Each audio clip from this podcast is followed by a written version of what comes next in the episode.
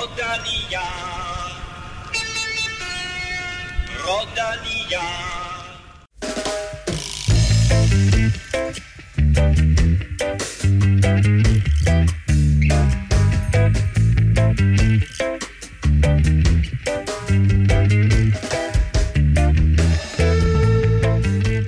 Han kom, cyklede og sejrede. Jakob Fuglsang vandt for anden gang kriterium du Dauphiné og er nu for alvor med i favoritfeltet til Tour de France. Det kan man ikke sige om Chris Froome. Den firedobbelte turvinder styrtede under træningen og har pådraget sig alvorlige skader. Måske også mere alvorlige end først antaget.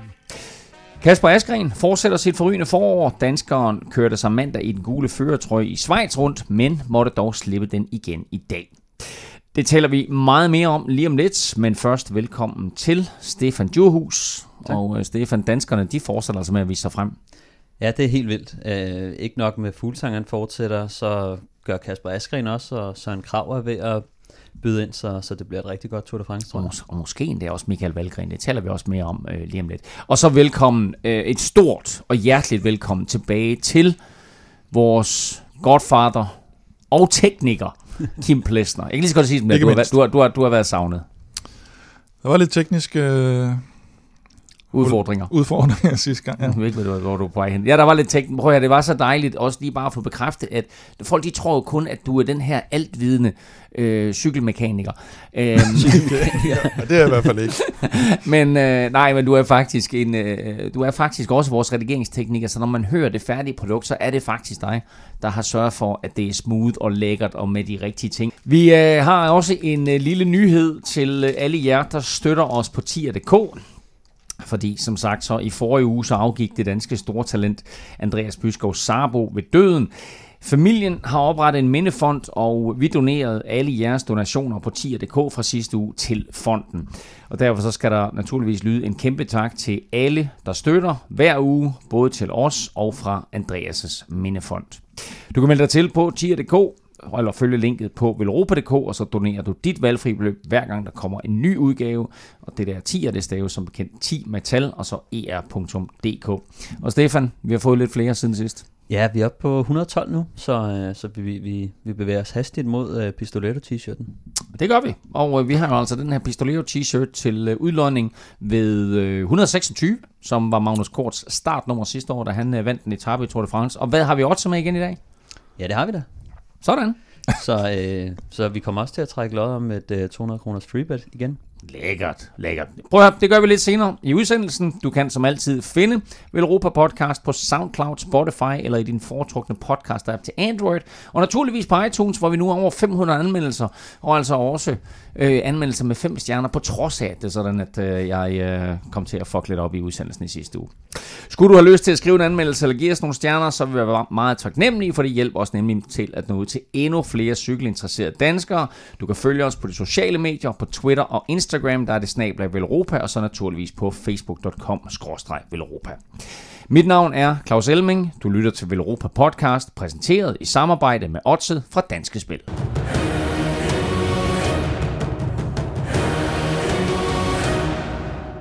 Søndag sluttede kriterium du Dauphiné. Løbet, der fungerer som optagsløb til Tour de France, fik en dejlig afslutning set med rødhvide briller. Jakob Fuglsang leverede en fornem indsats og kunne forsvare den gule førertrøje, han havde erobret lørdag, og dermed vandt danskeren for anden gang på tre år det prestigefyldte etabeløb. Kim, det jeg synes, som var det, det væsentligste ved den her sejr for Fuglsang, det var, at jeg synes, at det var en elegant måde, han vandt på, og med et enormt stort overblik. Ja, der var, man kan sige, eneste trussel, der lidt var imod det, det var, da, da Wout Poulsen han begyndte at angribe heldigvis meget, meget kort før mål på, på kongeetappen.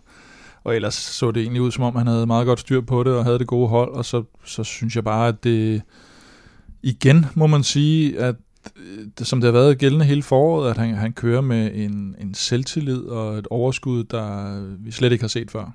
Øh, måden han kører på er også anderledes, og det er selvfølgelig, du skal have styrke for at køre på den måde, men han kører på en helt anden måde, end han har gjort de andre år.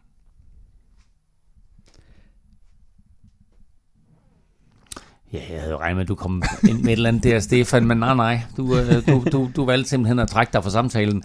Øh, det, jeg synes her, Stefan, når, når man ser øh, fuldgren på den her måde her, er, at han venter og venter og venter ind til det rigtige moment i en hel uge. Altså, mm. vi snakker syv etaper, og så venter han, og han ligger der på, på 3. 4. pladsen hele vejen igennem. Og så ved han, fint nok, jeg slår til på kongeetappen, tager de sekunder, der skal til for at erobre føretrøjen, og så forsvarer jeg den bare stille og roligt på sidste mm. dagen. Ja, altså, det, det, der er jo lidt, det er noget andet, når man har så gode ben, at øh, man kan angribe, og man ved, der er bund i det. Øh, så han, han, han, som Kim siger, har meget selvtillid, og når han så endelig stikker, så er der virkelig bund i det. Øh, og han stikker ikke bare, han angriber ikke bare fordi at han prøver at komme væk. Han angriber, fordi at tempoet måske er for lavt endda. Så når han kører væk, så er det fordi, at han synes, det går for langsomt, og han godt kan køre stærkere. Så det er lidt anden form for angreb på en eller anden måde, selvom altså det ligner jo præcis det samme, men når han endelig angriber, så er der også udskilling. Så han kan sidde og vente indtil momentet er rigtigt. Når han så kører, så sker der også noget. Hvor at man ser tit mange af de andre, som nu så vi Pinot og Bardet har også prøvet at angribe, hvor at, at de prøver bare at altså, og skille sig lidt af med de andre, men de har ikke bunden til at virkelig at køre væk. Så, så der, der er virkelig der er en forskel der. Og... Men, men lige nøjagtigt det der, for det synes jeg også var imponerende på, på den sidste etape søndag, det var, at da øh, Frances Descheux øh, lægger pres på og prøver på at iscenesætte Thibaut Pinot, så sidder Jakob Fuglsang simpelthen stille og roligt og sidder nærmest og spiller Tetris på sin telefon på vej opad. ja, og det, og det er jo rigtigt. Altså, han har så meget overskud, og, og netop hvis du sammenligner med, med, med det, Quintana forsøgte om lørdagen på, på kongetappen, der var slet ikke, altså han ligger der foran feltet, og, og ligger der bare og, og skaber ikke rigtig noget, men får sådan lidt lov at ligge, hvad, 20 sekunder foran mm. feltet, og, og der var på intet tidspunkt, hvor man så den der med, så tager han lige et hug mere, og så kører han videre. Han lå der bare, ikke? Og, og der kan man sige, at, at, at da Jakob kører der, der kan man godt se, der, og det har jo været sådan, i Liège var det det samme, ikke? Mm. Sat først øh, favoritgruppen og kom op og, og lå med nogen, som han så sat en efter en ved, ved simpelthen bare at, at øge tempoet. Og så også den der, synes jeg, mange nok har lagt mærke til, øh, inden han angriber om lørdagen, at han lige lader sig falde lidt tilbage og lige kigger lidt ind, og nå, hvordan har Yates det, hvordan har, bare lige ser dem lidt an. Og det er jo lige før, det giver tanker tilbage til 96 øh, Ries på Takam, ikke? At, øh, at, og, og, og, og, at der, der og, var han nede og kigge på dem. Præcis, ikke? Øh, og apropos Bjarne Ries, så har jeg lige været et par dage øh, sammen med ham i Frankrig. Jeg var nede sammen med Skleroseforeningen og deres velgørenhed cykelprojekt hedder Cykelnæven, og der kom Bjarne Ries ned og kørte øh, fredagens etape og lørdagens etape sammen med os. Jeg taler med, med, med Bjarne Ries der lørdag aften, hvor han siger, da det står, da det står klart, at, øh, at Jakob Fuglsang han øh, kommer i gult og ender med at formodentlig at vinde øh, kriterium de Dauphiné, der siger han, jeg synes, det er dumt af Fuglsang at gå ind og tage den trøje og, og vise, at, hvor stærk han er. Der kommer alt for meget fokus på ham nu, inden turen. Hvad siger du til det, Stefan? Jo, altså det, det er på sin vis også rigtigt, tror jeg. Altså Bjarne har jo meget fokus på det der med, at, at det hele skal være så timet og tilrettelagt, og, og alting skal være i orden, så, så det, det er selvfølgelig ikke bedre for ham, at han har vundet Dauphiné, og alle så kigger på ham, og alle de kommer til at sidde og køre imod Jakob hvor at øh, før, før der ville man jo køre mod Froome og Geraint Thomas. Øh, nu begynder folk at kigge lidt mere på fuglesang, så når han angriber, så vil man se i, i højere grad, at de andre rotter sig lidt sammen øh, mod øh, Jakob. Øh, så han får ikke ligesom lov at, at tage det der halve minut, minut, som han måske ellers ville få, fordi han ikke er den store favorit. Øh, så, og det kan man jo bruge til noget. Så jeg tror bare, at Bjarne han måske tænker på, at der, hvor man, nogle af de der situationer, hvor man ligesom får lidt lov, eller hvor de andre tøver lidt og kigger på, de, på hinanden, det vil de ikke gøre i samme grad med Jakob længere, fordi at han har vist så god form nu. Så. Ej, altså, men, jeg, jeg ved sgu ikke, altså, hvis ikke de lægger mærke til, øh, blev han ikke kåret som forårsrytter, efter han havde vundet Liège eller sådan noget, at, at, og han har vundet Dauphiné før. Jeg tvivler lidt på, at den her Dauphiné-sejr er noget, der, der gør, at, at de nu lægger mærke til ham i turen, og ikke vil have gjort det tidligere. Altså det, det ja, tror jeg bort, ikke. Jeg, form, formmæssigt kan jeg se noget, men ikke i forhold til, om konkurrenterne ligesom er opmærksomme på ham. Det, det, det altså, synes jeg, jeg, jeg, jeg, jeg, jeg, jeg købte et britisk øh, turmagasin til at have med i flyveren dernede til Frankrig. Jeg sidder og læser i det, og så slår jeg op under Astana, og så snakker de kun om Superman Lopez, og så skriver de, at, at Superman Lopez han får en luksushjælprytter og Jakob Fuglsang. Nå, men det er jo bare fordi, de ikke ved noget om... Øh, Ja, det er det jo nok jo. Men, Ja. ja. men, men, men alligevel, altså, er, er vi der, at det er sådan, at, at han har dummet sig lidt, Jakob, og, og at, at der ville have været mere fokus på Superman Lopez, øh, hvis han overhovedet kommer med.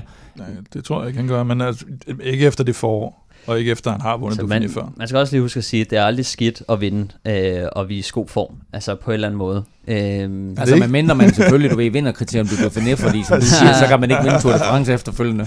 Nej, men jeg tror bare, det, min pointe var, at vi, vi altså, nu, Kim han drillede mig også lidt, og der var nogen, der skrev på Twitter og så videre, men, men jeg holder bare lidt fast ved, at øh, du kan ikke være i turform i to måneder. Altså det, det kan du ikke. Hvis du vil have maksimalt ud af dig selv, så, så skal du ikke top på det her tidspunkt. Og det Nej, mener jeg bare stadig, toppe at det, det, det er ikke en fordel øh, nødvendigvis, og så er der mange, der skriver, at ah, men, øh, de andre er det samme sted og så videre. Nej, det er de ikke, fordi at, at du kan ikke bare, altså det der med at time formen og det hele, det er ikke bare noget, der er nemt at gøre, fordi at ind i det med at time sin form, der er, der er en masse cykelløb, og du kan ikke kontrollere cykelløbene, og man bliver også lidt, det er, det er også en, en subjektiv ting, fordi at når man kører og træner, så tænker man nogle gange, åh oh, kæft mand, det her det er bare mit niveau nu, og jeg er perfekt på det niveau, men så er man måske lidt over det niveau, man havde regnet med, og så kommer regningen på et eller andet tidspunkt. Så jeg vil sige, det, det, det er ikke, altså, det, det kan fejle, hvis man topper på det her tidspunkt, og hvis man er lidt bedre, end man burde være, fordi det gør det det sværere at holde det ved lige. Men, Øh, men man kan og også det tror jeg sige- bare, det, er sådan, det, lyder, det kan lyde dumt øh, for mange, og de kan sige, at han, er på, han er perfekt lige nu, og han, bliver, han siger, at han bare bliver bedre. Men det er ikke altid, øh, det er ikke altid, øh, det er, det er ikke altid sådan, og det er bare enormt svært at time en form ordentligt. Så hvis du er langt foran de andre på nuværende tidspunkt, så bliver det også svært at, at holde regningen for døren, kan man sige. Fordi det, det kommer altid en regning, når man kører sig i god form. Så kommer der en regning på et eller andet tidspunkt. Men er det ikke netop det, vi har set fra Jakob Fuglsang og Astana her i foråret, at de har lagt mærke til, okay, han er faktisk i sit livs form. Nu piller vi altså nogle løb ud af kalenderen for ham. Han var ikke med i Flandern, han var ikke med i Roubaix, og han sad over øh, langt hen ad vejen og kommer først tilbage ind i Liège bastogne liège som han selvfølgelig har tilrettelagt sin sæson efter. Så kommer han her i Dauphiné, og så er der klart, så er der pause fra ham nu, og, og træningspas og så videre inden turen.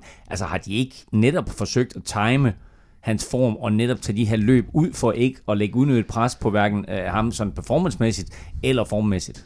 Jeg tror ikke, at det var meningen, at han skulle køre Roubaix i, i forvejen faktisk. Jeg tror primært, det var øh, Flanderen, de pillede ud øh, for ham. Men, men, men jo, altså det, det ser ud som, at det kører på skinner, men, øh, men jeg vil bare sige, at det, det er svært, og det er svært, når, man, når det hele går godt, også at bevare den der ro, der skal til. Fordi det er fedt at vinde. Og, øh, og jeg tror bare, at nogle gange så giver det lidt for meget motivation, sådan så det kræver, at man bliver trukket lidt tilbage. Fordi der er, der er ligesom to måder, det kan gå på for en cykelrytter i hver sæson. Der er den, hvor man bliver for grådig, og der er den, hvor man ikke har det, der skal til for at komme op på det niveau. Så nogle år kommer man ind, man har det ikke, som man plejer, man kan ikke ramme de tal, det hele er lidt hårdt, og man overgår ikke rigtig at træne, og så er der den anden, hvor man træner for meget. Og der, hvor man træner for meget, der kan det hele gå meget godt, men der kommer bare på et tidspunkt, hvor at, at det bliver svært at holde det ved lige, og, og der er det bare vigtigt, at træner og hold hiver lidt fat i en og siger, åh, oh, det bliver lidt for meget nu, nu skal du lige spare lidt, fordi at Og så er det er bare to ryttertyper, hvor at den ene har lidt svært ved at få trænet, og de andre, de har lidt for nemt ved at træne for hårdt. Så det er oh, lidt, men jeg synes, du glemmer en tredje. Og det er, at man timer det helt perfekt.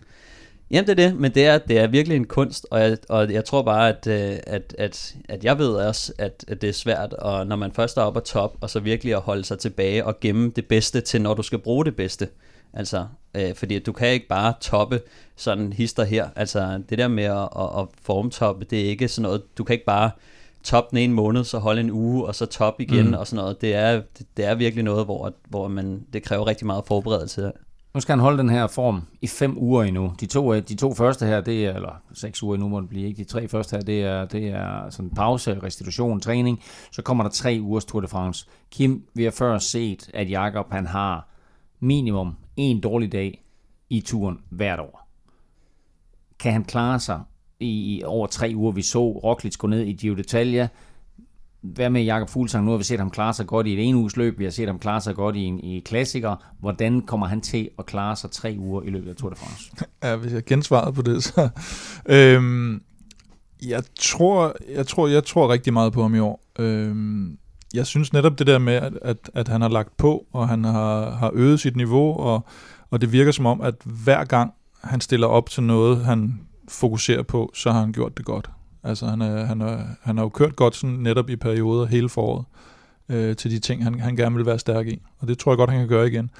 Så er der det der med, at man aldrig før har et eller andet, men hvis man inden sidste års Tour de France, der havde øh, Geraint Thomas heller aldrig rigtig fået det til at spille i Tour de France, både fordi han havde været hjælperytter, som Fuglsang også har været nogle gange, og både fordi han har været uheldig, både i, i Giroen og i, og i turen. Så selvfølgelig kan man bruge statistik og historie til noget, men man kan heller ikke bare sige, at fordi det altid har været sådan, så kommer det ikke til at ske. Det er klart. Øh, og jeg tror netop, at, at det der med, at han har lagt selvtillid og de der ting ovenpå, gør, at han måske kan tage det der spring fra en dags rytter til tre ugers rytter i år. I år er nok, hvis det skal gøres, så skal det være nu, ikke? Men altså, vi må se. Og, der kan og, katten over vejen og, og en drik dunk i et eller andet, du ved ikke. Det, det kan man jo aldrig, men, men jeg tror egentlig, at han har løftet sit bundniveau til, at, at han kan være med. Han væltede igen øh, Jakob Fuglsang, øh, men, øh, og det var på tredje sidste etape, øh, kommer op, kommer i mål med de bedste og så videre, taber ikke noget nævneværdigt tid, og så napper han altså føretrøjen der lørdag og, og, og vinder søndag. Så heldig var Chris Froome ikke, da han styrtede, fordi øh, under sin træningstur til onsdagens enkeltstart, der vælter han, øh, skal pusse næse, øh, styrter, kører angiveligt frontalt ind i en væg og brækker diverse knogler, bliver kørt på hospital og bliver ret hurtigt meldt ude af, af årets Tour de France. Men Kim, nu er du jo vores store øh, konspirationsteoretiker. er der noget, som Enios holder, holder skjult for os her? Nej, det, der er i hvert fald en gang i en masse spekulationer rundt omkring på, på Twitter og på nettet. Øhm, der er jo altid de der, der, der, der finder, uanset hvad der så måtte ske, så, så er der et eller andet galt. Øhm, og man kan sige, at nu, nu når der var de her spekulationer, om at der, jeg, jeg er faktisk ikke helt sikker på, hvad det er, spekulationer går på, altså hvad, hvorfor de skulle gøre det. Men det vil høre, det er dine egne spekulationer. Det er mine egne spekulationer. Jeg har ikke så mange lige i den her. Men jeg vil sige, at, at hvis der er de der spekulationer, og man ved det, at man så udsender et billede efter, altså hvis, hvis det var for at modgå det, så er det det forkerte billede, de, de udgav. Altså, hvad er Men, spekulationerne? Nu det lige jamen, spekulation, altså det, det, det eneste, jeg har hørt, det skulle være et eller andet med, at, at i virkeligheden er der sådan en stiltigende aftale mellem UCI måske, eller et eller andet med, at at den der salbutamol-sag, at den skulle han i virkeligheden være blevet dømt for, og så fordi han ikke blev dømt for den, men nu har han så lovet at holde sig væk fra nogle Grand Tours, og så skulle han så sætte hele det her i værk for at... altså jeg tror bare, man... Jamen, det, det er der, vi er. Tror jeg nok. Øh, jeg har ikke, jeg har ikke fået, jeg, jeg, jeg, jeg, jeg, jeg kan ikke få bedre. Jamen det er også det, altså jeg, jeg Så han sige, har ikke, han har ikke uh, styrtet og smadret det ene og det andet. Det, det er tror jeg, det, cover up. det er cover up for, at uh, han i virkeligheden ikke må køre, eller et eller andet i den stil. Ej, hold du op. Jamen det, jeg siger jo ikke, uh, don't kill the messenger her, men... Uh, og hvad siger og, du, det billede, der er i hospitalsengen, det ser lidt for fake ud, synes du? Nej, det er ikke noget med det. Det, det er mere, at, at der var jo alle de her ting, inden det billede kom frem. Okay. Der var jo allerede alle de her spekulationer, og hvorfor havde man ikke set det, eller hvem havde gjort hvad, og hvorfor ditten og datten. Og det er bare det, jeg mener, at, at ikke fordi jeg, jeg så tror på spekulationerne, men hvis man så vælger at skulle lægge et billede op, der ligesom skulle lægge en dæmper på de spekulationer, mm. så er det jo det forkerte billede, okay. man lægger op. Ikke? Så er det jo ikke, det er jo ikke sådan, at han har, har riser i ansigtet eller noget som helst i forhold til at køre Men jeg synes til at der, jeg så en video med noget, hvor de sagde, at der, der var stadig blod på der, hvor den væg, han var styrtet i faktisk. Mm. Så man kan sige... Det, det. Nå, men jeg vil også sige, at det er en meget, meget vanskelig... Øh, hvis man skulle lave et cover-up, så er det en meget, meget, en meget, meget vanskelig øh, episode, de har sat i scene her, i forhold til også, at L'Equipe har berettet om det, og der må være nogen, der har set det, han har sagt, og, og man må også gå ud fra, at at der kommer et eller andet med, at han, han nærmest går på krykker. Eller, altså hvis det er det samme som, var det Beloki, der også brækkede samme slags knogle i benet, mm. og sagde, at det, han kommer aldrig tilbage fra. Men er det, er det slut for ham? Det er jo så et andet spørgsmål, ikke? Ja, altså jeg tror, hvis man kender Chris Froome rigtigt, så, øh, så, så, så vil han i hvert fald forsøge et comeback. Men altså, han brækker, øh, han brækker en knogle. Han brækker øh, en knogle i... Øh, han har brud på albuen, han har et brud en på nakke, brystkassen, nakke og så brækker han, øh, men det der hedder C7 nakkevivlen, altså den nederste af de syv nakkevivler, der brækker han et stykke af. Øh, det vil sige, han har ikke brækket nakken, men han har brækket en knogle i nakken. Mm. Vi skal øh, måske også lige sige, altså nu, for dem, der ikke har set billedet, at det er egentlig et billede af Chris Froome, der ligger helt øh, u, hvad hedder sådan noget, Ja, han ligger i en hospitalseng, og han Thumbs ligger, up, og så Ja. har han et lille plaster på, På den ene albu, der ligner noget Ja. hudafskrabning. Ikke? Og det der, altså med, med, alle, med alle de skrammer og skader, der er meldt ud og sådan noget, der er det måske lige lovligt lidt indpakning, han er i på det ja. billede, synes jeg. Hvis det var en konspirationsteori, ville det så ikke være nemmere bare at fake sådan en sygdom? Jo, præcis. Altså det, det har han jo gjort tænker før, kan man Ja, sige. nej, nej, han nå, men altså, jo, jeg tænker, at der kunne være en nemmere måde at gøre det på, hvis man vil... Øh, Ja, hvis men man vil det lave er, cover. i forhold til, til, når man ser den skadesliste, så er det et rimelig fredeligt billede, man ser. Ja, det må man sige. Men, øh, men og når det så er sagt, så med alle de skader, han har pådraget sig, og den pause, der står foran ham, og han bliver 35, øh, så begynder det at se lidt vanskeligt ud øh, for Froome, og, et comeback, øh, ja, det, det er bare min egen øh, holdning, det bliver, det bliver lidt svært for ham at, at komme tilbage på hesten og samme niveau og så videre. Ja, men så kan man jo sige, at øh, der er jo øh, to danske pro hold, som øh, håber på en tur start i 2021, og der kan man jo øh, åbenbart, har jeg fået at vide, øh, købe rytter ind, som har gode meritter, og så få en større chance for at deltage. Så altså, det der, der er der ikke nogen, der siger, at uh, Virtu eller Rival Readiness... Nej, er jeg ikke troede, du tænkte vel Europa. et, så skal vi have nogle penge. Så skal vi have de her Så skal 100 vi have millioner. Så skal vi, have- så skal vi have er flere med på spørgsmålet- 10.dk. Så er spørgsmålet, om, øh, om han er så gode venner med, øh, med ASO, så, om det overhovedet giver en startplads. Ja, det er ikke engang sikkert. Nej, jeg tror ikke, at han, om de han, kan han, han fordoble, tre, tredoble deres budget, bare for at få råd til, til ham. Øhm, Enyos havde meldt ud, øh, at der var sådan lidt kamp om kaptajnrollen i det kommende Tour de France. Den, der klarede sig bedst, er Froome i Dauphiné, og Geraint Thomas i Schweiz rundt ville indtage kaptajnrollen. Og så tænker man nu, Stefan, okay, så ligger den lige så højbenet. Det er Grant Thomas, der bliver kaptajn. Mm. Men nu er Froome, Froome ud af hele ligningen. Så hvor efterlader det her Egan Bernal?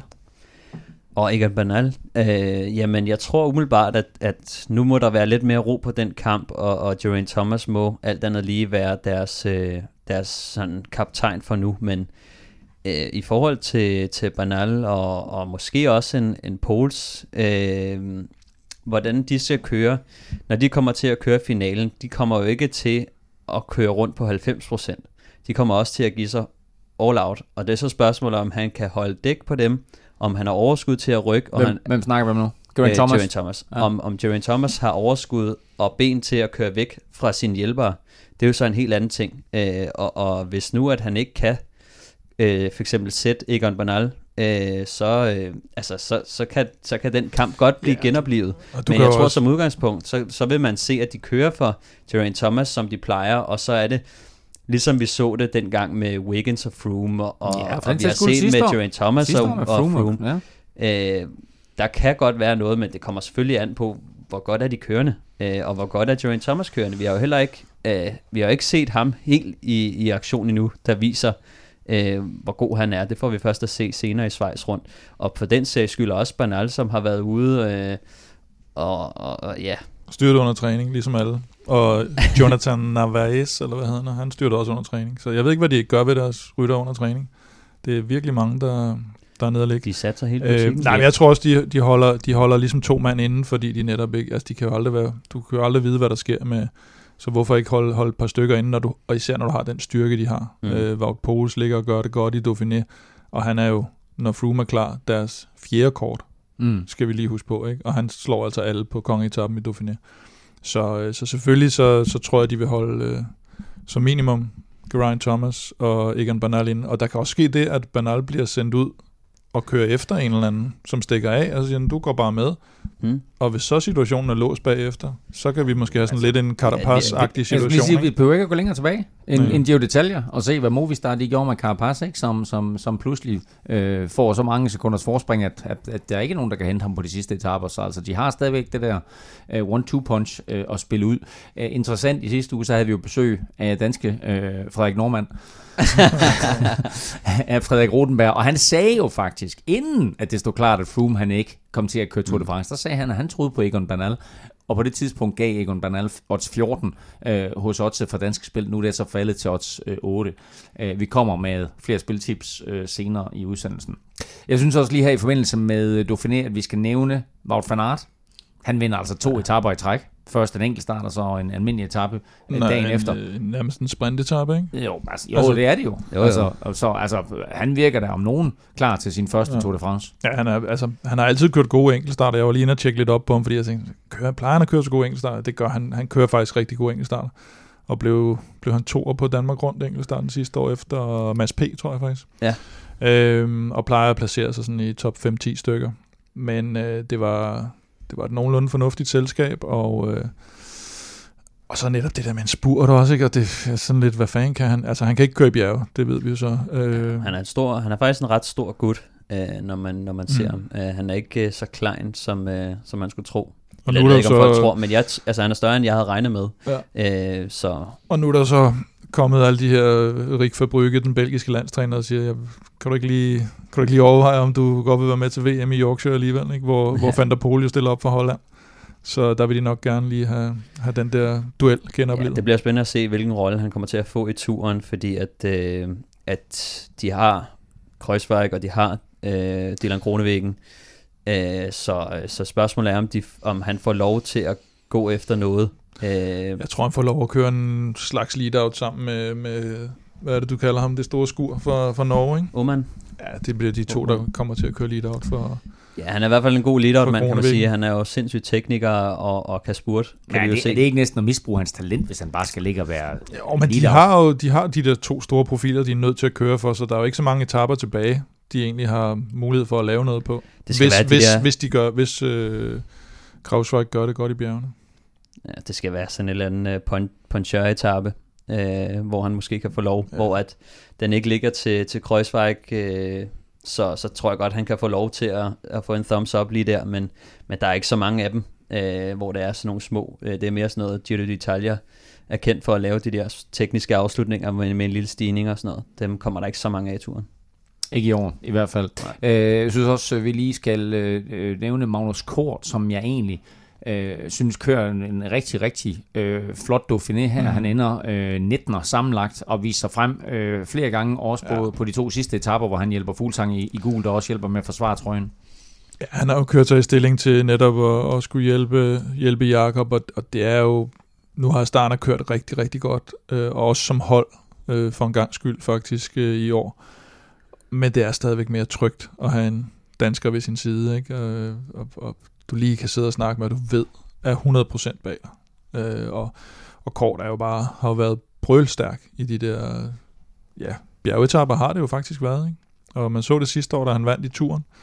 Øh, på papiret også en bjergetap, selvfølgelig med et udbud, der får lov at køre, Mm. men han, øh, han sidder altså med her, hvor der ikke er nogen, der får, no- får lov til noget, og falder tilbage og hjælper stadigvæk, og, og var en af de allerstærkeste. Og, Men- og, og, undskyld, Stefan. Jamen, jeg tror også, man, med, med, med Magnus, øh, som, som jeg kendte ham fra, da han kørte med i Danmark, der var det, at, at han faktisk var en rimelig god klatrer. Han var eksplosiv, mm. øh, han var en vindertype, men han kunne godt køre opad. Så kom han øh, på World Touren, hvor han så begyndte at transformere sig lidt mere til en sprinter, fordi han også havde succes med det i starten. Men jeg tror, vi begynder at se øh, en Magnus Kort, som begynder at, at omforme sig lidt til at kunne noget mere. Vi ser ham gå efter nogle udbrud. Øh, jeg tror også, det afspejler sig i hans øh, træningsmetoder, at han begynder at træne lidt mere opad, måske taber sig lidt, øh, for at ligesom at, Man havde at tabt søge sig, de muligheder. Ja. Han havde tabt sig nu, og, og jeg ved også, det kan jeg huske, jeg snakkede med ham om, for alligevel nogle år siden, der var han jo en af dem, der brugte allermest styrketræning i vinterhalvåret. Og det er Mm. mm. klart, det giver dig nogle, øh, nogle muller på lovene, men dem har du ikke rigtig brug for, tværtimod. Dem har du brug for, når du sprinter, men du har ikke rigtig brug for, for så meget. Der skal du mere være senet, når du, når du kører opad. Ikke? Så må ikke også, han har lagt lidt om. øh, Men altså, vi, vi så Ja, ham, som den- du sagde før, Kim, han vinder den etape sidste år i Tour de France. Det er sådan en kuperet etape, eller noget af det, vi så her i Criterium de Dauphiné. Sådan Mhm. nogle treer og nogle toer, der er han jo helt exceptionel. Så snart vi rammer etter og uden for kategori, så kan han ikke være med længere. nej. Men, men altså, er, vi- er vi der, at han, altså kan vi tillade os at kalde ham den danske Peter Sagan? Fordi det er jo præcis den måde, som Sagan kan lide at ligge og køre på os. Ja, han kører, jeg tror, han kører bedre opad end Sagan, ikke? Øh, og har- har så ikke så, så meget fart i en, øh, i en finale. Ikke nu i hvert fald. Men det, jeg tænker på, det er, hvis, hvis vi, øh, altså der kommer nogle etaper i Tour de France, som minder om det, vi så ham vinde sidste år. Vi ser ham også klare sig rigtig godt her i Dauphiné med de der etaper, hvor Fuglsang øh, går ind og tager øh, trøjen, fordi det heller ikke er de her øh, fuldstændig vanvittige stigninger.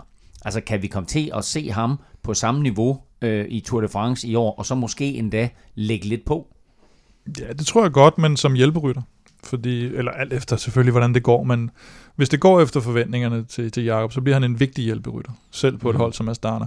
Og så får han ikke lov at ligge og, og køre efter etaper, og det, det, det tror jeg også, han er fuldstændig indstillet på, at der skal ske et eller andet ærgerligt, hvis han skal få lov at gå efter en etape.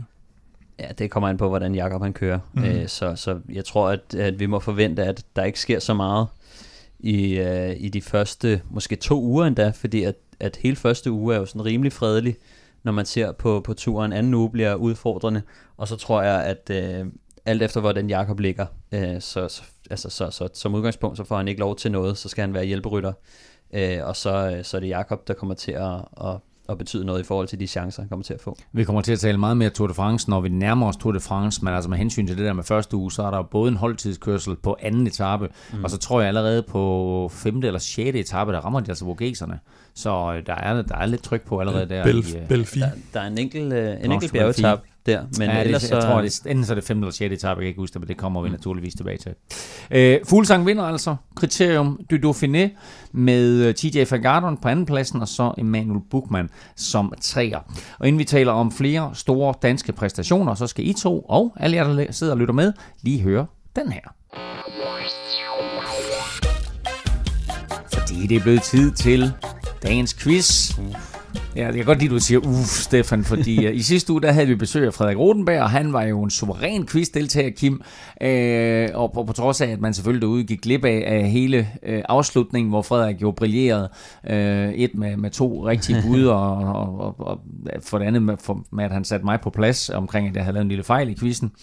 Øh, så var han jo øh, måske den bedste quizdeltager, vi nogensinde har haft med her. Altså virkelig, så virkelig, klart. virkelig, virkelig overlegen Klart. virkelig overlegen. øhm, jeg er lidt i tvivl om, hvad der står i quizzen. Er det noget med 17-13? Eller 18-13, tror jeg, det er til dig, Kim, ikke? Er det ikke 18-13? Nå, jo, det tror jeg jo. 18-13 er vist rigtigt, ikke? Og øh, i den her øh, quiz, der er der mulighed for at tjene to point. Nå. Mm. Og øh, jeg kan sige, at quizzen er ikke en, jeg har opfundet, men den kommer faktisk fra øh, Velropa-mesteren Morten Skødt, som Skytten. jo også øh, er afløser her i Velropa-podcasten gang imellem. Og Morten, han sendte mig et billede i morges. Noget med Hvor- nogle punkteringer? Nej, ikke nogen Nej. punkteringer. Men øh, ja, og der hører lige med til historien. Han punkterede, ja. han punkterede to gange i, i Sjælsø rundt. Ja. Som øh, Velropa podcast, eller Velropa øh, cykelklub. Velropa øh, ikke, ikke podcast, men, men cykelklubben deltog i øh, søndag uden at, uden at komme på podiet. Ja, det snakker vi ikke mere om. Mm. Det er snart okay. Fint nok. Godt. Vi, vi er i gang med quizzen, og quizzen lyder som følger. Jakob Fuglsang vandt i år Liège-Bastogne-Liège og Kriterium du Dauphiné. Mm. Det er kun sket to gange tidligere, mm. at en rytter har vundet begge løb i samme sæson. Jeg kan hjælpe jer lidt og sige, at øh, det var begge to, før Stefan blev født. Ah, igen. Det var i 1971 og 1977, Okay. men vi snakker ryttere, som I begge to kender. Ja. Så øh, I har øh, resten af podcasten her til at tænke lidt over, hvem det kunne være. Hvem vandt altså både Kriterium du Dauphiné og Liège-Bastogne-Liège i henholdsvis 1971 og Og 1977. jeg svarer først den her gang, eller hvad? Og Stefan, du bestemmer som altid, hvem der svarer først. Og til alle jer, der sidder og lytter med derude, og til jer to, lad nu være med at google. Mens Jakob Fuglsang tog sig kærligt af det ene forberedelsesløb til Tour de France, så nappede en anden dansker den gule førertrøje i Schweiz rundt. Kasper Askren viste, at formen fra et fornemt forår stadig er der, og efter anden etape, der kunne han lade sig hylde som løbets førende rytter. Tredje etape er netop slut, og der smed Askren trøjen, da han kørte lead-out for Viviani, som dog ikke havde nogen chance i spurten mod en suveræn Peter Sagan. Det her, det var altså den 17. sejr til Peter Sagan i Schweiz rundt sammenhæng. Det er flest af alle. Han ligner en mand, der er ved at være klar til turen. Er det ikke også 17, han har i Kalifornien? Ah, var det ikke 21? Det kan godt være. Nå, øh, jo, klar til turen, og, øh, og det er jo svært at se, altså hvem fanden der skal tage den der grønne trøje fra ham, ikke? Altså så, han Så er, er det Matthews, måske. ja, så er det Matthews, men så har han alligevel lige det der ekstra i, i bjergene, eller noget holdbarhed, eller øh, han plejer altid lige at få sat den på plads. Men altså, vi, vi har talt om, om sygdom, vi har talt om, at han har haft et skidt forår. Vi Mm. ser han øh, i afslutningen på Flandern rundt, der er pludselig med 20 km igen, så bliver han smidt. Øh, det virkede bare som om den måde, han vinder den her tredje etape på. Han placerede sig rigtigt, og han, altså, han overspurgte jo alle, og han smed jo Viviani med 10 meter. Ja. Jamen, det er fedt at se ham er tilbage på den måde, fordi øh, jeg synes sgu, at han har været lidt savnet med den der, altså, og han, man kan sige, han, han, han, øh, han havde jo også noget sygdom, som, som der var svært, og han måtte tage sig en, et lille øh, løbsbreak på et tidspunkt, mm. øh, så, så jeg synes, det er fedt at se, og jeg synes, jeg glæder mig sgu til at se ham i, i turen. Det er Ja, sgu lidt noget andet, når han er på toppen, ikke? Men er det som om, han har fået lidt mere øh, altså de der rene massespurt fart, hvor han jo Mm. aldrig rigtig har kunne, kunne vinde sådan en helt flad, øh, når Kittel og Cavendish og alle de han, andre. jo, han har jo vundet. Jeg tror sgu aldrig, han har vundet en helt flad, flad, øh, Og lige strækning og hele lortet. Og det, Den tager vi op senere. Okay, sådan en rigtig boulevard Eller- Ja, men sådan en, den, den, det tror jeg. Men det er lige før, han er, han er Ja. ved at være der måske. Det, det tror jeg. Men altså, det bliver også spændende at se i forhold til Kronevæggen. Um, Ja, det er rigtigt. Så, så der, der er mere, øh, altså man kan sige, han er faldet lidt i, i hierarkiet på den. Det ser lidt sværere ud for ham, øh, i og med, at han ikke har været så god øh, i, i spurterne, som, mm. som man har været tidligere. Men, men det er da bare fedt at se ham tilbage. Altså, jeg, jeg glæder mig til at se ham øh, i turen. Han øh, kørte sig også i føretrøjen med, øh, med, med sejren i dag, og det gjorde han øh, både fordi han øh, fik nogle sekunder øh, foran øh, de nærmeste konkurrenter, og fik øh, bonussekunder for at vinde etappen, så han fører altså med øh, 10 sekunder ned til Kasper Askren. Askren kom på podiet igen. Øh, selvom han smed førertrøjen, så fører han stadigvæk ungdomskonkurrencen, og dermed så kunne han altså lade sig hylde i Schweiz igen i dag. Øh, er øh, Askren, Kim, og vi har haft det op at vinde før, er han på vej til at køre sig øh, ind i Tour de France og på en plads på det her meget stærke det König Quickstep hold. Jeg vil sige, at det eneste argument efterhånden, der er tilbage for ikke at tage ham med, det er vel, øh, at han ikke er så erfaren.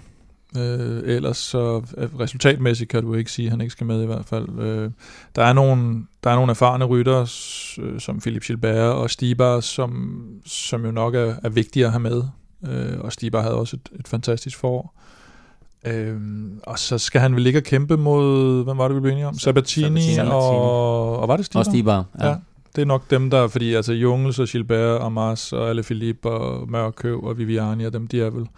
Men prøv at høre, rimelig, altså, øh, Stibar, han har bare været øh, så god i forhold til, Ja. ja. sammen med Alaphilippe også. Når de har kørt mange gange, så har, så de har Stibar jo bare try- trykket på, og så har han skudt øh, Alaphilippe afsted, ikke? Så Mhm. jeg tror, han er rimelig sikker i form af, at de, de har haft så meget succes på den måde, de har kørt. Øh, men Sabatini er også øh, den i mine øjne, um, som er, han har, øh, han er jo, han er jo, kan man sige, Vivianis betroede øh, lead-out-mand, selvom jeg ikke synes, at han altid gør det lige godt. Mm. Øh, styrkemæssigt øh, hører, han, hører han ingen steder hjemme, øh, men han er erfaren, og Viviani kan godt lide ham, og det, det, den bliver svær at, at tage ham ud der, men Ja, så skal de smide Mørkøv af, ikke? Altså, det, Jamen, vi, Jo, så, men vi, så det- et lead altså- vi så et lead i dag, der hed, at den gule førertrøje i Schweiz rundt åbner hele balladen mm. ved at, at tage fronten, og han kører rigtig stærkt af skræn, ikke? Så han ligger i gult. Lige bag ved ham, der ligger der en mand i en Dannebrogs-trøje, Michael Mørkøv, mm. og så bag ved ham, der prøver Viviani sådan på at få fedtet sig frem. Det lykkes faktisk også. Askren skyder Mørkøv afsted, Mørkøv skyder Viviani afsted.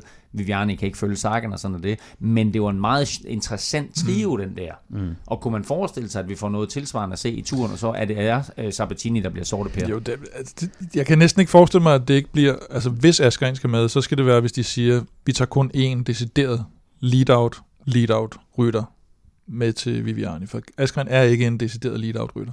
Man siger, det kan vi sagtens for de andre til. Stiber kan sagtens køre fantastisk lead-out. Eller Philippe kan jo kraftigt med selv vinde en masse spurter. Han kunne også køre, hvis, hvis de er, de vil bruge ham. Så de har masser af folk til det der.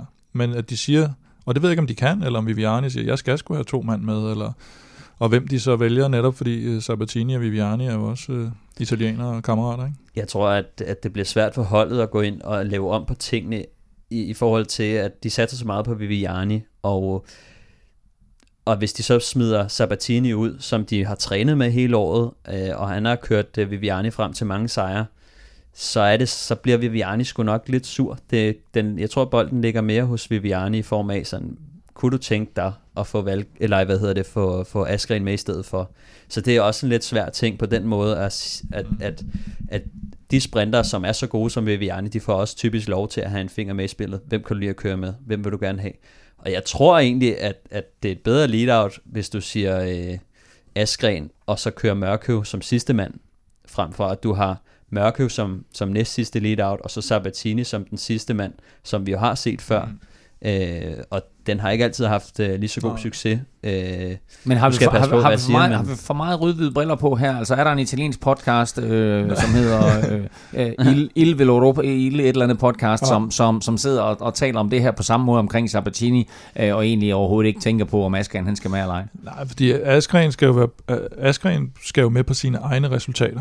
Og det skal hverken Mørkøv eller Sabatini. Så det er der forskellen ligger. Og så er der nogle andre, der skal med på erfaring, som Stiber og, og, og Gilbert, og, og Mars skal med, fordi han kører klassement, eller Philippe skal med, fordi han er Philippe.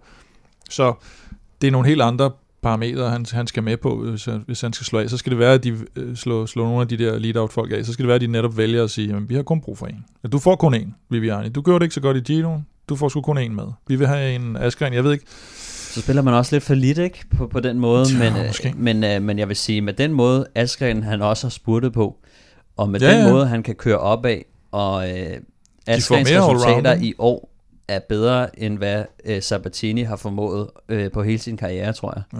så, det er kraftigt man næsten bedre end Jungels, ikke? Jo, jo, jo. Nå, men altså, det altså, er der, det er jo sådan, han er Nå, faktisk... Det er der, vi er, Han er Ja, faktisk... så de kommer begge to med, og så, og så er det jo Jungels, der bliver såret, Per. ja, okay. Ja, det kan godt. Du hørte det her før. Men, prøv, ja. men det er interessant det der, Stefan, fordi han har vist øh, igennem hele foråret, men måske allerede her på de første par etaper af Schweiz rundt, at han kan det hele, ikke? Han, han, mm. han, øh, han bliver femmer på den første enkeltstart, han bliver fire i, i søndagens sprint, og så kører han lead out i dag. Mm. Ja, Og vi har set ham bjergetappen køre op af øh, i, øh, i Kalifornien, ikke? Jo.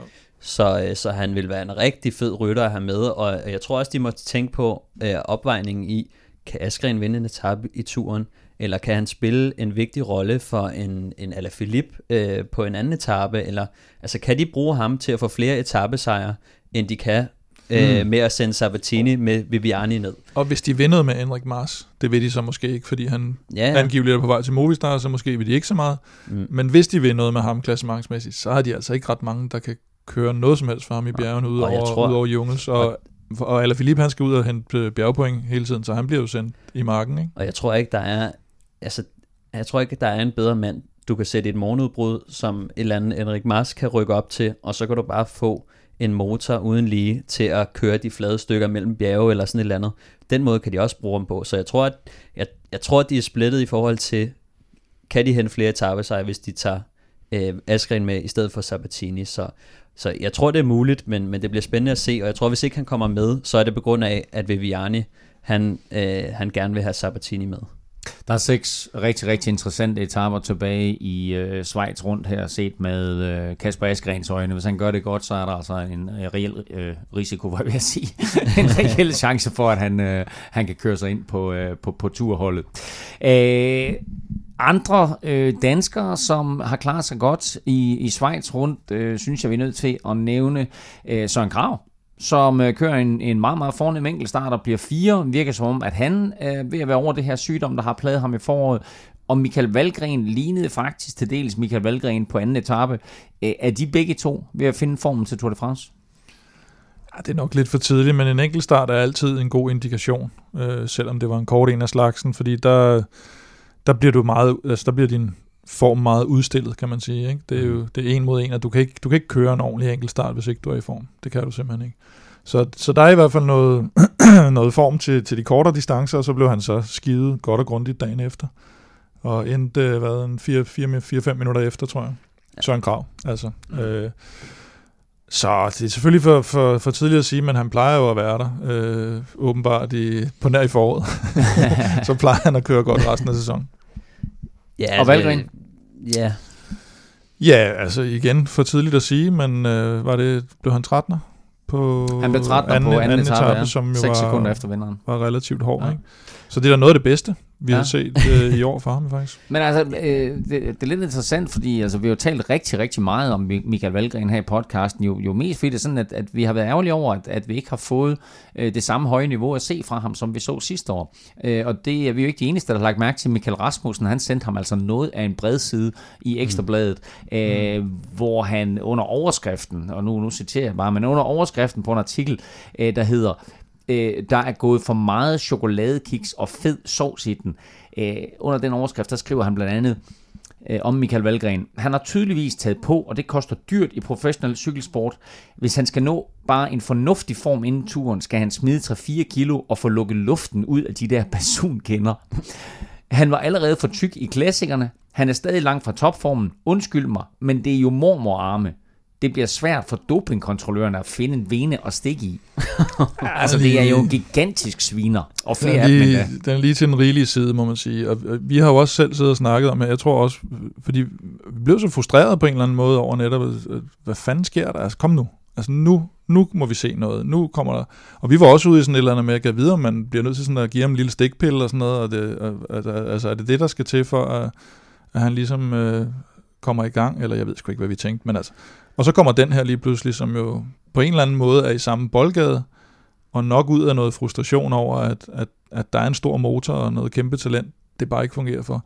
At så det skal skrives på den her måde, det har så nok noget at gøre med også, at han skal skrive for Ekstrabladet, som vi snakkede om, ja. at uh, der skal sælges aviser, og, og, og Michael, han skal jo åbenbart skrive de der ting. Det er det, han er ansat til, og derfor skriver han det på den her måde. Det kunne have været skrevet lidt mere elegant måske, det kunne have været skrevet på en anden måde, så det var mere sådan et, et kærligt spark i røven, og, og, og, og netop sige, vi vil skulle have den gamle valggren tilbage. Men jeg tror også nogle gange, så man skal også bare lige huske på, at øh, når man skal have resultater, eller når man skal op på det niveau, som valggren også har været, hvor meget det kræver er helt latterligt, altså mm. med, med træning. At vi snakker fuldstændig vanvittige træningstimer. Det er, det er 8 timers ture, øh, altså det er, det er overdrevet meget, der skal lægges i det. Så man kan, jeg synes, det er svært at blame folk, der ikke når det niveau, fordi at jeg ved, at det er helt skørt, hvor meget man skal træne for at nå det, det niveau. Og, og hvordan, det er så sjældent, at folk har rigtig gode sæsoner, ligesom back-to-back, hvor at, at, at det bare bliver ved med at, at spille. Øh, det er jamen, er det meget oftere, jamen, at der, man rammer der, der, en der, der, mange, der er der mange rytter, Stefan, som kommer ind og indtager verdenslinjen, så bliver de der år efter år. Altså. Men der er endnu flere, som der falder ud efter et godt år. Jo, og men det er bare, fordi, det er bare, fordi man glemmer meget, dem. Det er jo ikke så meget et, øh, et blame game, det er det måske lidt her, men, men, men for min eller for vores side har det vel mere været sådan en, og for Valgrens egen side selvfølgelig, har det jo mere været sådan en frustration eller, eller ærgerligt over at øve. Altså, vi, ja, ja. Vi, vi, vi, vi vil se det der igen. Og jeg tror bare, at, at øh, det man skal tænke på, det er bare det, jeg siger, at, at hvor meget... Det er det, man skal tænke på, Kim. Det er det, Stefan siger. Nu skal, nu skal du lytte efter. ja, men jeg siger bare... Jeg siger bare, at vi tager det lidt for givet, at når folk de vinder et eller andet cykelløb, mm. så kommer de bare til at, uha, han er 25 år, øh, hvad bliver det ikke til næste år, og så videre. Men det er svært at ramme det der niveau, og det er ikke bare noget, der sker per automatik, og det er ikke bare noget, at man siger, Nå, nu kører jeg bare det samme som sidste år. Der kommer mange udfordringer, man skal overkomme i løbet af en hver sæson. Altså lidt sygdom her, et styrt der, Øh, og man et bryllup kan, i vinterpausen? Eller, altså, og, man, der, og, der og Valgren er også blevet en stjerne ja, ja. nu, så, øh, så der er mange ting, og, og man kan ikke blame ham for at slække lidt på det, øh, og det opdager man ikke selv, før at mm. man ikke præsterer. Så begynder man at gennemgå, hvordan, fanden egentlig, hvordan, hvordan egentlig det var sidste år. Altså, hvor god var jeg med, med kosten, hvor god var jeg til træning, og alle de der ting. Det kan være, at man har kørt nogenlunde det samme, men det har lige været 2% nemmere, end det var sidste år. Måske er det de 2%, man mangler osv.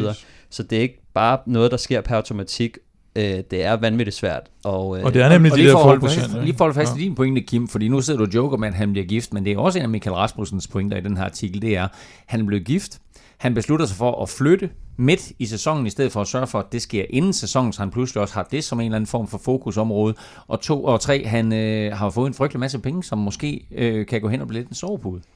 Det kan sagtens jeg tror, at det er i hvert fald, vi har jo set ham i en række sådan lidt, du ved, magasiner og reklamer og sådan noget. Altså, vi har ikke rigtig set ham her, jo, må vi så også erkende. Og det kan jo så også være en væsentlig faktor. Den synes jeg ikke, vi har været inde på nok, at Velropa-effekten jo selvfølgelig ikke er der i år. Nej, det er rigtigt. Altså, vi har haft den må meget lidt tage, med. Det må vi ja. også ligesom ja. tage på vores kappe, eller hans kappe, eller et eller andet. Men, Nej, men, men der, er en masse, der er en masse ting, og så skal du optræde i, hvad ved jeg, Euroman og et eller andet, og du er flyttet, og du er i Monaco, og du er blevet gift, og det.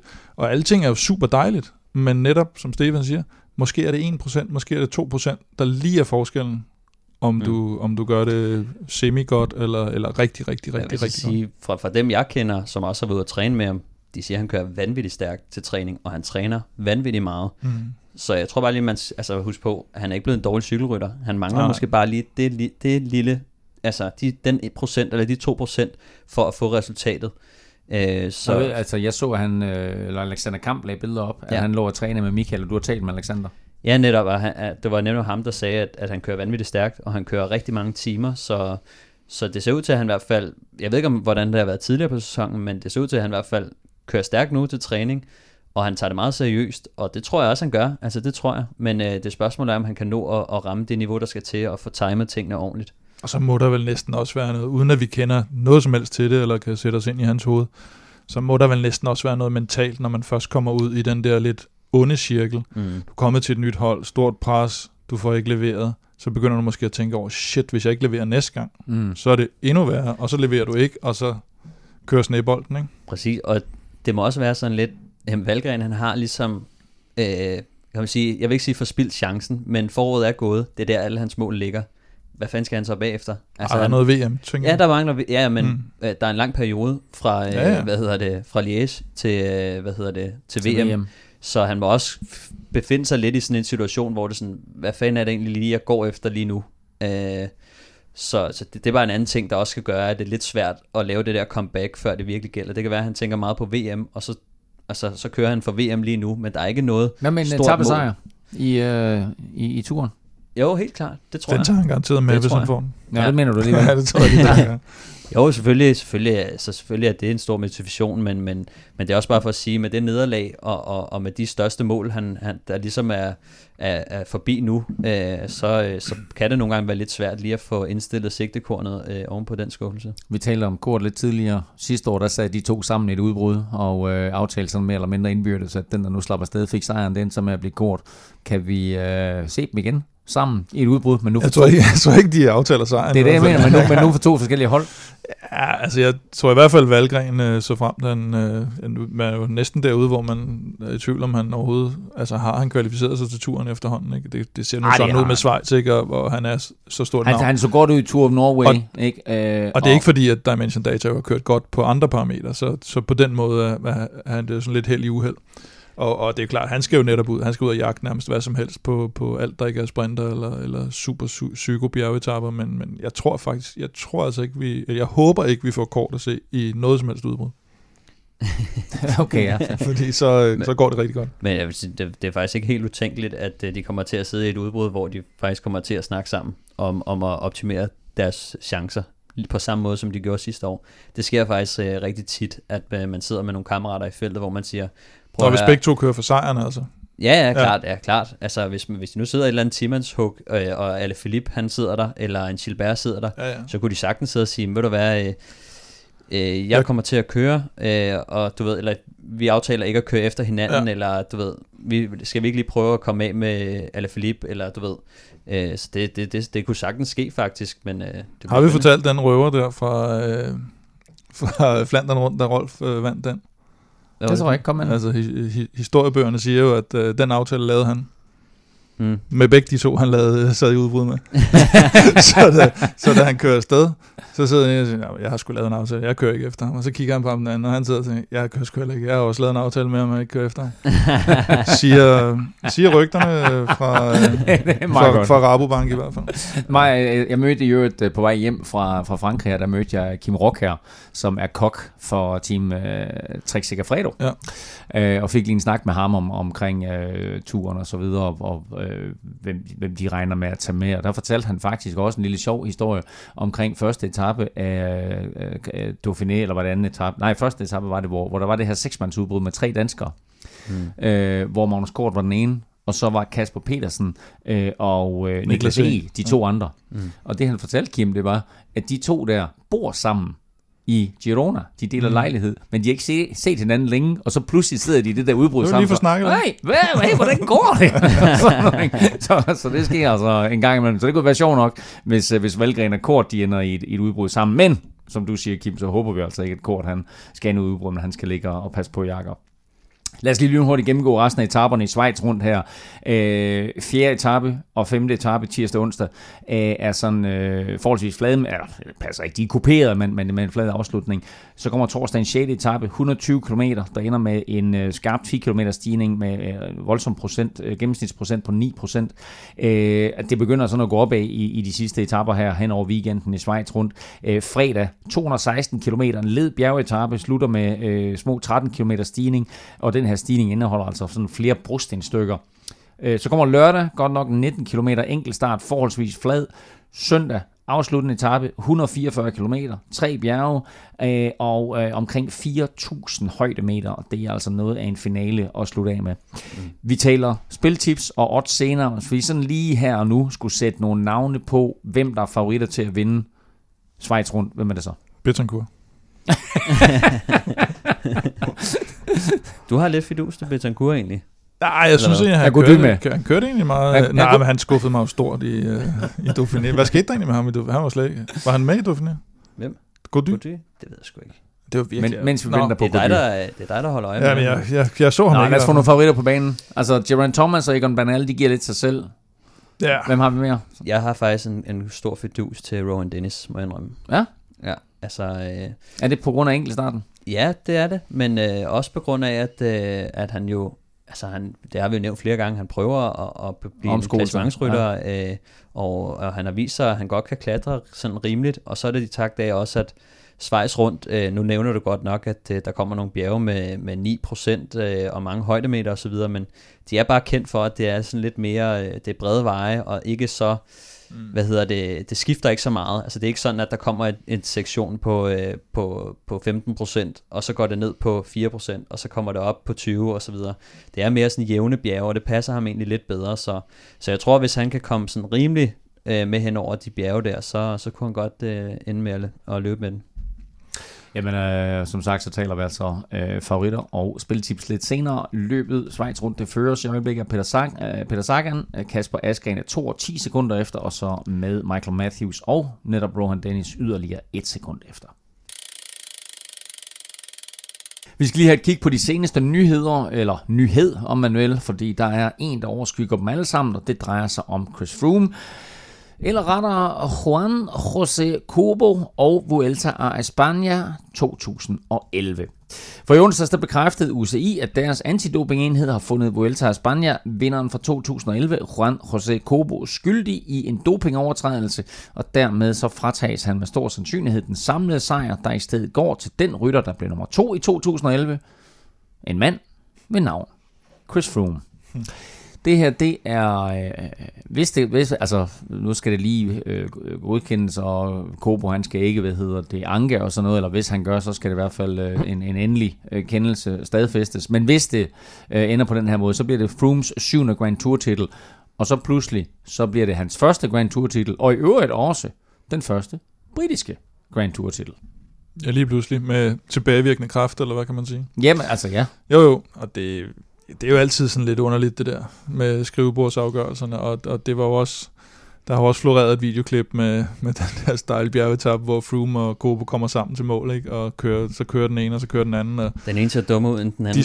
de, ja, de og, og står op og spurter op af en eller anden vanvittig stejl stigning, og, og, og det, er jo, det er jo selvfølgelig godt klaret af Froome, at, øh, at, han, at han sætter sådan en, der nu angiveligt er bevist har taget EPO til vægs på sådan en stigning. Det er jo det er faktisk meget godt klaret. Men på den anden side, så fik vi også at vide i et øh, studie, at EPO ikke virker. I, var det ugen op til, eller sådan noget? Ja, det, det, lag, det lagde du en, øh, et, Ja. ja. et tweet om op, og der var en eller anden øh, øh, ekspert i gåsøjne, der sagde, at EPO ikke virkede. Øh, det har ingenting med den her sag at gøre. Øh, han er altså blevet tildelt en treårig karantæne med tilbagevirkende kraft. Han har nogle værdier, og jeg ved ikke, hvorfor de først finder ud af dem nu, om det, Det er ved sådan. jeg godt. Nå, kom med det. Nej, det, eller det, hvad hedder det, historien er, at øh, der er jo nogle testmetoder, der var dengang, og der er nogle testmetoder i dag. Og de der biologiske pas, dem gemmer de jo, øh, og de gemmer prøverne. Og, øh, og så har de først nu kunne finde ud af, at de havde, jeg tror det var to, specielt to mistænkelige værdier. Fra 2009 og 2011. Ja, eller, eller fra perioden mellem 9 og 11, Mm. det, er- det er jeg faktisk lidt i tvivl om. Og dengang kunne de bare se, der er et eller andet mistænkeligt, men vi kan ikke ligesom bevise, hvorfor det skulle være, at de var sådan der. Øh, og nu har de så åbenbart ved nye testmetoder fundet ud af, at det kunne de så sige, at det med høj sandsynlighed var, at han havde, han havde taget EPO. Og der skulle også være, var det til næste år, de kommer med en eller anden, øh, der også kunne detekte et eller andet andet, som nogen måske sidder er lidt, lidt, lidt småbange for. Ikke? Og det er jo også meget sjovt, at de kan gemme det her og sætte det ind i det biologiske pas øh, senere hen. Fordi at vi ser jo mange gange, når, når folk bliver taget, jeg kan huske, Kreuziger også var med i en, mm. en lang sag, øh, mm. hvor at der var nogle suspekte værdier, men de kunne ikke rigtig knalde ham på det. De, kan, man kan bare sige, det er ikke så tit, at øh, dine kortisolniveauer og de her ting, Mm. de stiger og falder på den her måde. Og så hører man jo cykelrytterne komme ud med alle mulige øh, undskyldninger på, at ah, men det var fordi, at øh, jeg havde dårlig mave, og jeg havde noget med nyren, og jeg har været i- på højdetræningslejr mm. og så videre, fordi det skaber også nogle effekter i de værdier.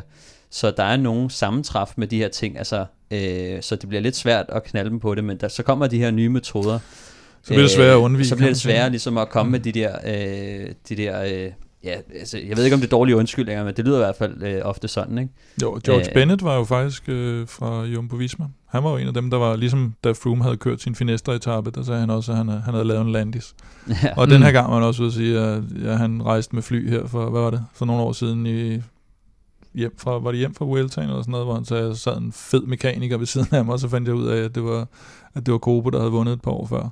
øh, problemet, problemet med, nu nævner Stefan jo det med kortisol, problemet med, med George Bennett var jo, at han blev hævet ud af en Vuelta, tror jeg netop det var, inden løbet startede, eller var det en Giro? For, netop fordi han havde for lave kortisolværdier. det kan så skyldes både sygdom, eller at du har for højt kortisonniveau, som jo er ulovligt.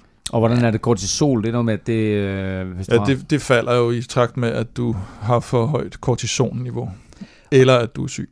Og, Og det er der- derfor, de siger, er at du må ikke være med, at fordi et lavt du... kortisolniveau får du, hvis det er sådan, at du på en eller anden prøver på at maskere et for højt kortisolniveau. Er det ikke noget med det? Nej, det er simpelthen, at du har... for Når man tager øh, kortison, så falder kortisolniveauet, ja. ikke? og så kan man se, at det er en indikator, og det er også en af de parametre, der er med i den der MPCC. MPCC, øh, det er, hvis du Det har derfor, for han lav- blev hævet. Også fordi, at det er noget med, at det er sundhedsskadeligt. Jeg er ikke Ja. læge, så jeg ved ikke Men, helt men, men præcis, hvordan tager man det helt præcis, Stefan? kortison? altså, det er jo det er jo en Det indsprøjtning. sniffer mig. Det, øh, men så vil jeg sige, øh, Kobo, øh, jeg er glad for, at han ikke har vundet den, fordi at han har aldrig kunne finde ud af at placere hjelmen ordentligt på hovedet. Nej, det er Øh, så det har altid set Det skrækkeligt ud. sådan lidt en øh, akavet Garcelli over ham. Så man kan ikke have sådan en ulians vinder. Nej, det er fandme... Prøv Han at kommer at fra- billeder af og, og, nu, Kobo. og nu siger du så, at, at Froome han er en mere lians vinder. Ja, det, det kommer han faktisk Uh, ud med. Det er yderst sjældent, ja, at det- det ja, sker det er faktisk. Men øh, Og han kommer jo, Kobo kom jo fra Sonja Duval holdet, som jo også, han kom jo til mål sammen, tror jeg, med Piepoli, eller var det Rico, øh, på det der, hvor Ja, Sonja det- Duval bare lige pludselig de tre der, det var en ond, Ja. en ond trio. Og hos Sonja Duval, der var det jo øh, den spanske Martin, som, øh, som sad på den sportslige ledelse sammen med Gianetti, som tidligere kørt for Frances Ducheux i tidernes morgen, jeg tror det var i 97, hvor han Mm. blev indlagt på et hospital, fordi han havde taget det der nye øh, Wonderstuff øh, P- PFC, som øh, nær havde slået ham ihjel, fordi de eksperimenterede, de troede det var det nye EPO, og det fik han så. Så han var hos Sonja Duval dengang, og hos Kobo. Og i dag, så sidder Gianetti og Martin som de to øverste i den sportslige ledelse hos det er dagens quiz. UAE, Ah, Ah, som også bakser lidt med, var det Dudasek og, og, og. Mal- Molano, Molano, tror jeg også lige, de har jamen, der. øh, sådan blev der jo slået en øh, fin, krølle. fin lille krølle på, på det hele der. Han har en måned nu, øh, Kobo, til at anke den her sag, og øh, hvis han ikke gør det, så øh, er den altså stadfæstet, og dermed så bliver han frataget titlen, og øh, øh, vælger han anken, så øh, bliver der selvfølgelig kørt en sag på det, og så må vi se, hvor det ender, men, øh, men må ikke, at, at øh, han ender med at få frataget titlen. Så bliver Froome vinder, Wiggins bliver toer, og Kim, Ja. Hvem bliver treer? Bagkage.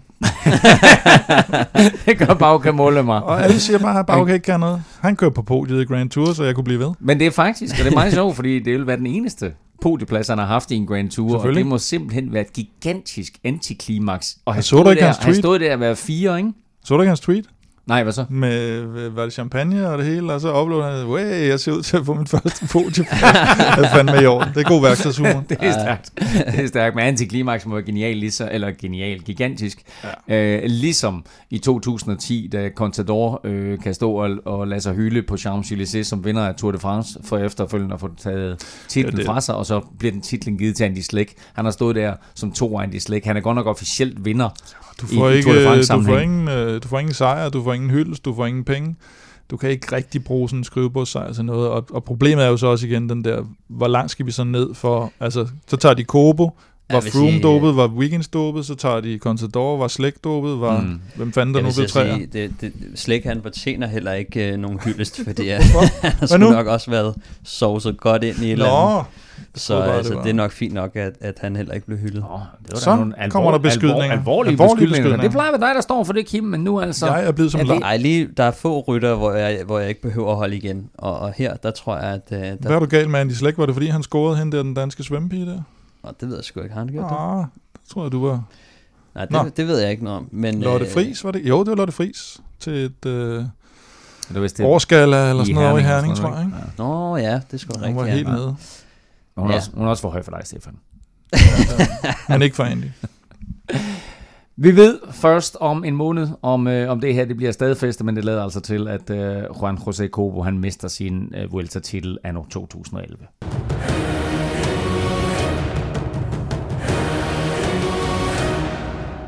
I sidste uge kom vi med tre spiltips, alle til Tour de France. Vi havde Velropas vinder, som var Chris Froome til odds 2,25. Det var knap så heldigt. Så havde vi Stefan Staltip, der var fuglsang i top 10 til odds 91. Det er faktisk nu faldet til odds 51, så jeg håber at man nåede at få spillet det der til 91 i sidste uge.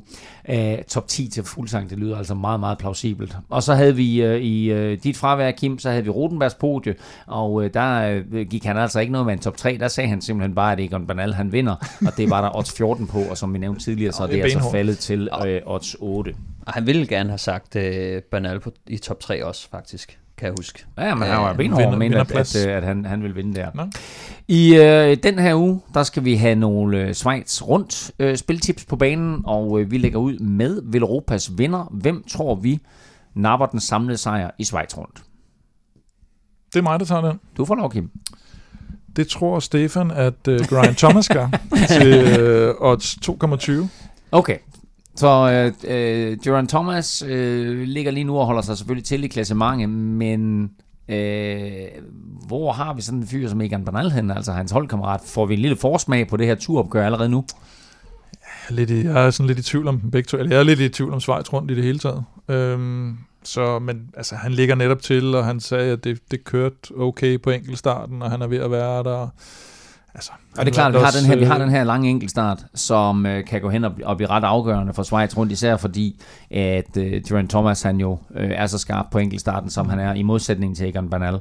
Ja, Æh, Bernal er faktisk også udmærket, men på en flad enkeltstart. Flad enkeltstart, som er på 19 km. Mm. Øh, hvor, meget, hvor, meget, hvor, meget, hvor meget tid kan Geraint Thomas tage på Egan Bernal der? Oh, et sted mellem 4 sekunder og 12 år, som øh, de siger.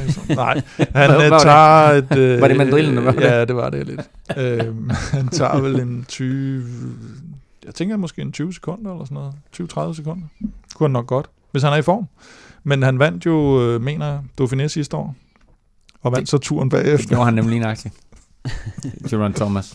Men altså, øh, umiddelbart så er vores bud på en vinder øh, med øh, Jerome ja, Thomas. Det, det, jeg vil sige med det er jo egentlig, altså pointen med det er jo, at sidste år, der kører han efter sejren i Dauphiné og vinder Tour de France. Hvis man så ikke er sådan en, der har vundet fem Grand Tours, men netop kun har vundet en, så vil man måske gerne kopiere lidt den måde, man, man vandt sin, sin tur på. Ikke? Ja, men Som bort, han jo så ikke gør.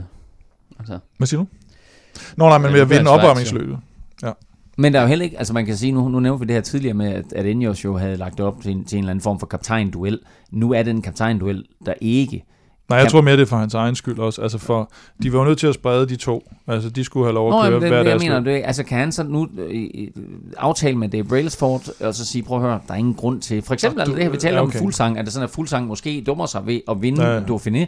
Kan Geraint Thomas så sige, prøv at høre, jeg er der, jeg har det hele. Så du mener, han, han var nødt til at vise det sidste år i Dauphiné? mere for at få chancen for... Måske. Ja, ja det, jeg ved sgu ikke. Altså, jeg, jeg, jeg tror lidt på, at han kører han kører, hvad han kan, og så, så ser han, hvad det rækker til. Jeg tror ikke, han går, han går ikke grædende i seng, hvis ikke han, øh, hvis ikke han vinder Schweiz rundt. Ja, vi vil lade det være op til jer derude. Vi har altså vores øh, bud på en vinder er Geraint Thomas til odds 2.20. Tror du mere på Egan Bernal, så er der odds 3.0. Tjek odds på dansk spil for, øh, for flere vinder øh, odds. Øh, hvis der er nogen rytter, du tror på. Vi kan lige nævne, at Kasper Askren faktisk giver odds 14, vil jeg egentlig synes er et lavt odds for, for Kasper. Ja, det er det, børner, men det må være efter hans Kalifornien, øh, hvad hedder det, form der at, ja. øh, at, at de må ham så lavt. Det er bare et virkelig hårdt øh, klientel, han skal, han skal op imod her. Så, og nogle virkelig hårde bjerge. Ja, det er det. Så ja, den er, den er svær, men øh, de har jo åbenbart rimelig højt. Vi skal have Stefans staldtip på banen. Ja, øh, jamen øh, jeg har siddet og kigget lidt. Jeg tror også, altså jeg tror meget på Dwayne Thomas, fordi at han har, altså han ser, han ser meget godt ud. Han, øh, han vandt turen sidste år, og, og han, han går all in på turen. Så, så det kunne sagtens være. Men en anden, som jeg også har siddet og kigget lidt på, det er Rowan Dennis, øh, som jo vandt enkeltstarten. Og, øh, og han kan også godt køre opad, og jeg tror, at Schweiz, det, det passer ham meget godt med de sådan lidt mere konstante bjerge, uden at det kommer helt op i, i nogle procenter, der, der hedder 20 procent og så videre, øh, så kan han køre en, en lidt bedre rytme. Så, så jeg tror faktisk, at øh, jeg tror, Rowan Dennis han godt kan, kan udfordre der. Han kører også en lidt bedre enkeltstart, så jeg tror også, han kommer til at vinde øh, den næste enkeltstart i løbet, øh, og kommer til at tage lidt tid der. Så kan han hænge på øh, i bjergene, så, så kunne han godt ligne en vinder.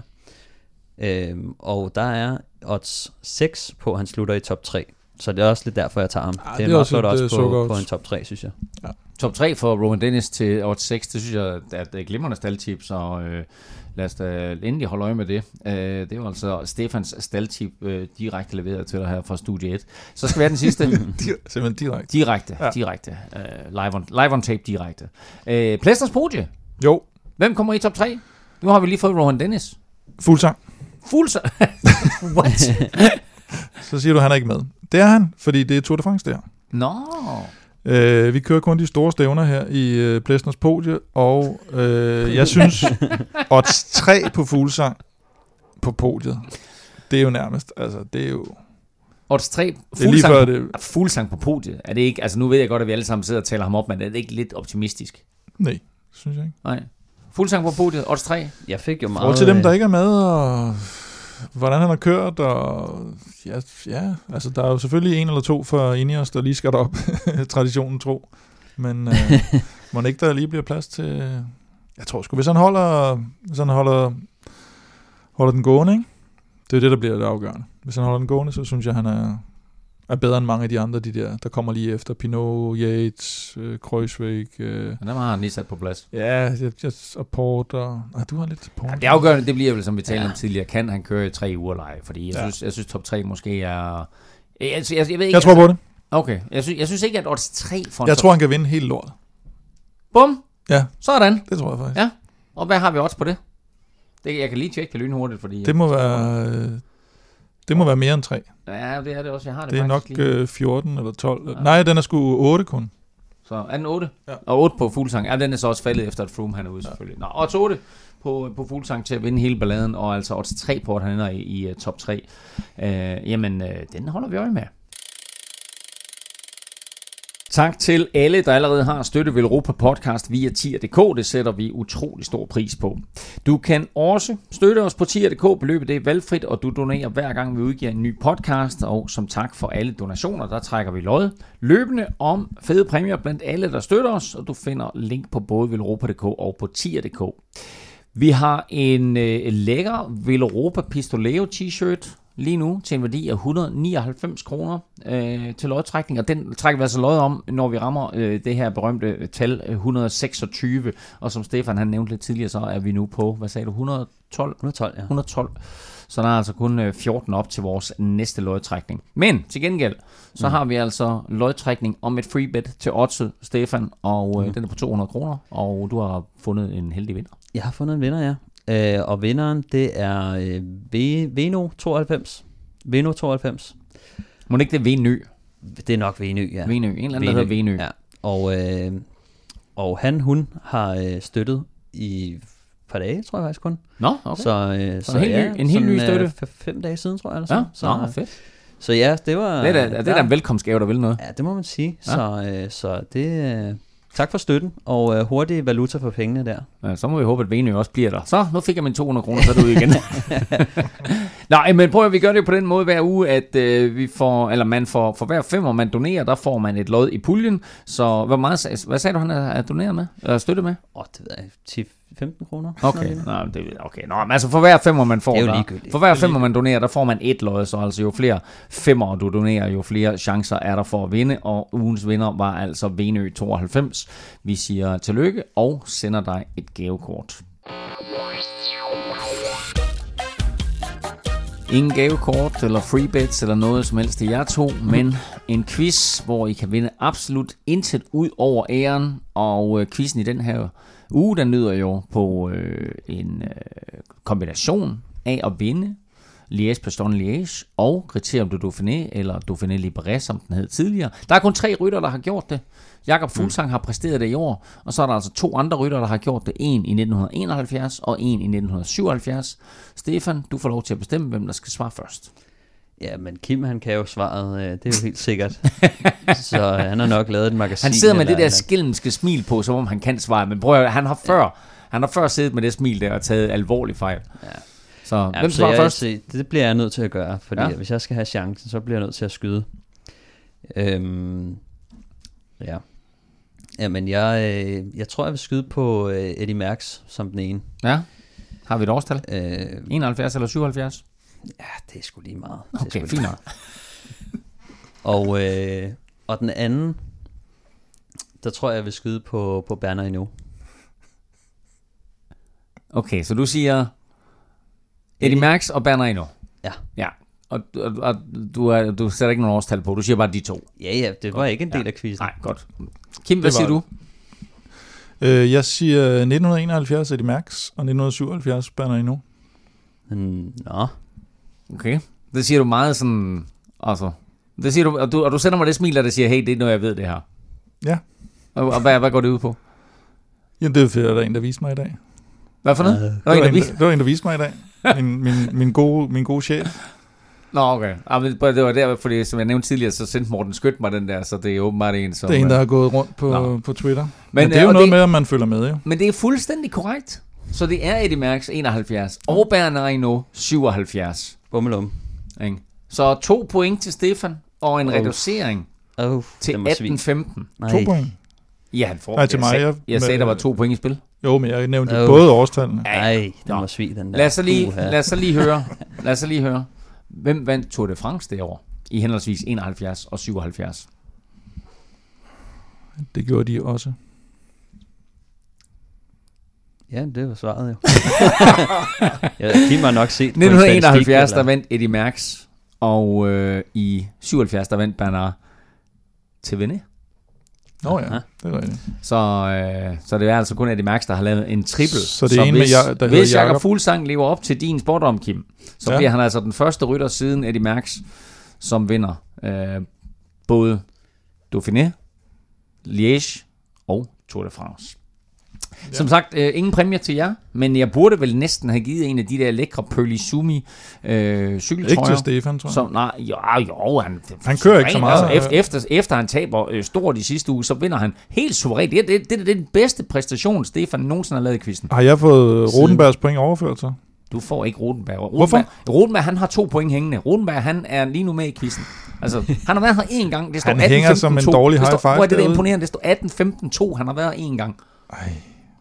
Nå, Det er anyway. den dårligste quiz, jeg vil nogensinde gerne give jer en af de der Velropa trøjer. Givet? Pø- Pøl, ja, som, altså, whatever. Kim, prøv lige at fortælle, fordi grunden til det var, at jeg var inde i shoppen, og så ser jeg at den der Pøl Sumi trøje, Ja. cykeltrøjen, super, super lækker, rigtig fedt design.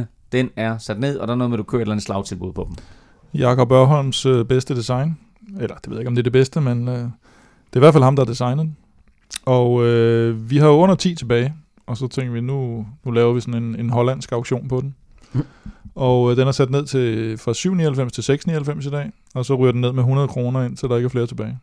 Så øh, enten så kan den blive rigtig billig, eller også så er der nogen, der ikke tør vente så længe. Så det er, det, er- det er med at slå til. Så, så må man vurdere, Ja, hvad man, øh, hvor, lang, hvor lang tid man tør vente. Den er altså øh, 6,99 øh, lige nu, og ryger altså yderligere ned, hvis, øh, hvis man tør vente, og vil man have den her. Og det er i øvrigt, vil jeg lige sige, det er en virkelig, virkelig fed trøje, og virkelig, virkelig flot.